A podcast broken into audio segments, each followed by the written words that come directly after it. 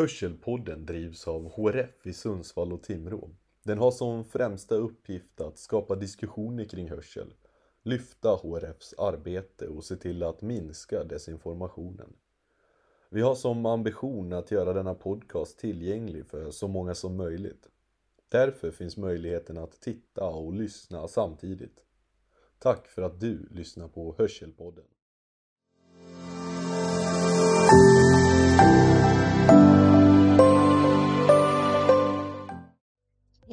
Välkomna till Hörselpodden avsnitt två med mig Jessica Stoltz och Frida Persson. Ja, hallå Frida. allihopa! Hur är det? Jo, det är bra. Fullt upp med studierna. Ja, precis. Och Och du det har blivit klar. Ja, och jag har blivit klar. Jag har tagit min examen, så nu är jag ute i arbetslivet. Eh, och då kommer vi lite in på dagens avsnitt här, lite Mm. naturligt. Vi ska ju prata om, om skoltiden, hur den var för dig. Precis. Och då tänker jag att vi kan börja lite med, med från början, grundskolan. Hur du upplevde den och hur det var för dig. När du började skolan, om vi börjar där då, minns du det? Hur det var att börja skolan? Alltså, det är ju då man upptäckte att jag har en hörselnedsättning och jag får hörapparater. Eh, Egentligen så jag har ju aldrig upplevt ett liv utan hörapparater. Det var ju mer tufft för kanske mina föräldrar liksom att eh, få bekräftat att jag hade en hörselnedsättning. Mm, alla, alla, allt pappersarbete, allt som ska fyllas i och alla kontakter runt omkring och, och så. Jag Mm. förstår att, att det var väl, och oftast är det ju så kanske att det, det är en tuff bit att ta tag i och bli lyssnad på också tänker jag.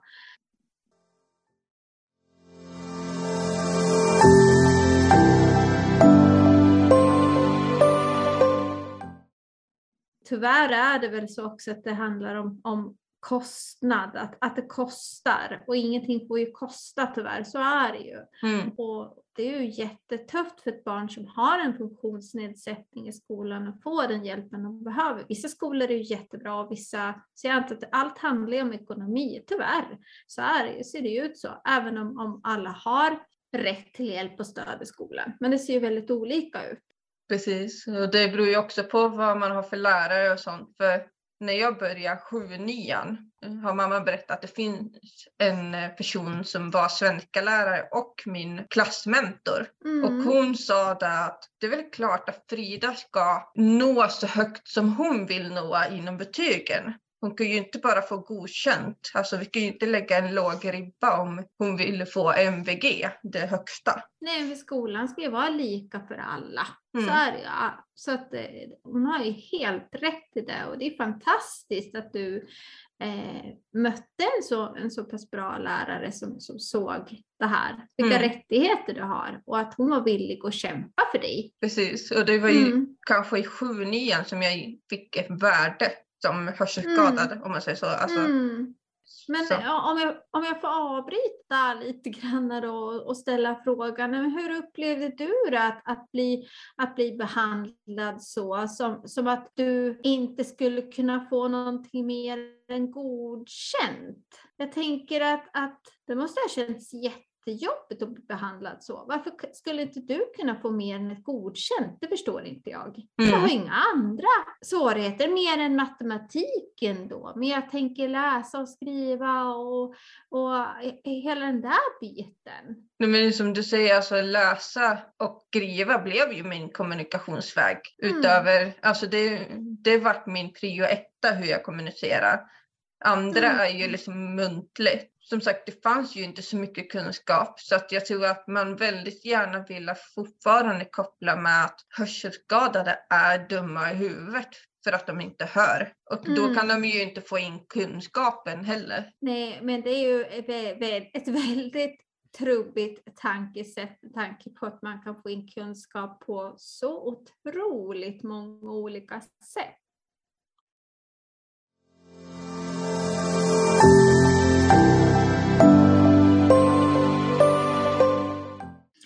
Men, om vi lämnar grundskolan nu då och går vidare till, till gymnasiet? Hur upplevde du gymnasiet? Fortsatte det på det viset som det var på grundskolan? Det här med att du kände att du inte fick rätt stöttning från lärarna och, och så. Jag skulle säga att det blev väl kanske inte bättre. men, men det som var en stor skillnad var ju att under grundskolan så använde jag hjälpmedel i form av mikrofon. I två första veckorna då provade jag att använda hjälpmedel. Men varenda lärare stoppade ner den i fickan istället för att knäppa på sig den och prata normalt. Och då, då blev jag så frustrerad så att jag tog mina hörapparater som enda hjälpmedel under hela gymnasiet. Ja, okej, okay, det blev så. Att när de gjorde så, jag förstår liksom inte varför de stoppade dem det där i fickan. Varför stoppade de mikrofonen i fickan för? Vad var anledningen till det? Det var väl bara att knäppa på sig den. Det var väl inget mer avancerat än så antar jag? Eller? Nej, alltså det var ju liksom bara som en liten mygga som eh, TV4-reportrarna har. Vi, det är ja. inget konstigt egentligen, men jag tror att folk är så rädda för mikrofoner för att de tänker på alltså den här journalistbilden, att ha en mikrofon under näsan bli inspelad och ifrågasatt och granskad. Ja, och jag, men jag kan tänka mig som lärare så borde man ju inte ha problem med det, tänker jag.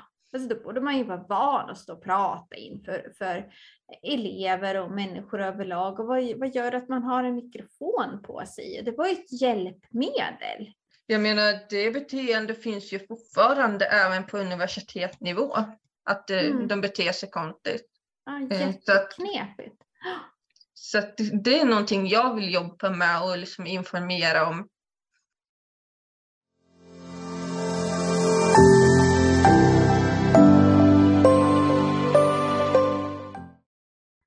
Förlåt, nu blev jag lite störd här. Eh, nej, exakt så är det. Man är inte sin diagnos. Jag, jag tänker att det är ju en, en del av en. Mm. Så du skulle ju inte vara samma person utan din hörselnedsättning, för så är det ju. För någonstans mm. så har det ju format dig till den du är till viss del genom Precis. dina erfarenheter, upplevelser och så. Men man är, du är inte den. Nej, precis. Nej. Helt rätt. Ja, och jag tänker också så här nu när vi har pratat om det här Frida och dina erfarenheter och upplevelser. Eh, då tänker jag så här att det skulle vara intressant att få höra om andras erfarenheter och historier, eller hur? Precis. Och jag tänker att om någon som lyssnar nu på det här avsnittet kanske vill dela med sig av sina egna erfarenheter eller kanske vill ställa frågor eller vill ha några tips. Mm. Eller vill skicka in tips på vad vi ska prata om. Ja, exakt. Och då har väl vi en mejladress, eller hur Frida? Mm. Och då är det hörselpodden at hotmail.com. Ja, och vi är helt nya på det här och det blir, det blir väl lite som ett samtal mellan dig och mig bara. Vi, vi känner att vi känner oss ju fortfarande lite fram, tänker jag, hur, mm. hur ja, som sagt, så, så ni får vara lite snälla med oss.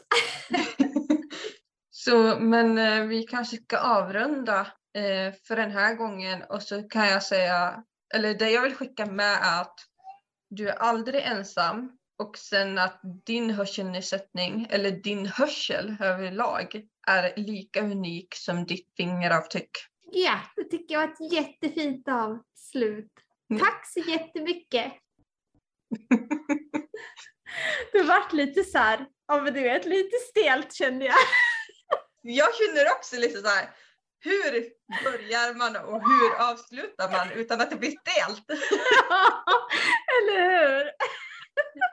och så kom min son mitt i alltihop och jag bara, nej bort liksom, stanna där borta. Jag bara, nu blev jag lite störd här.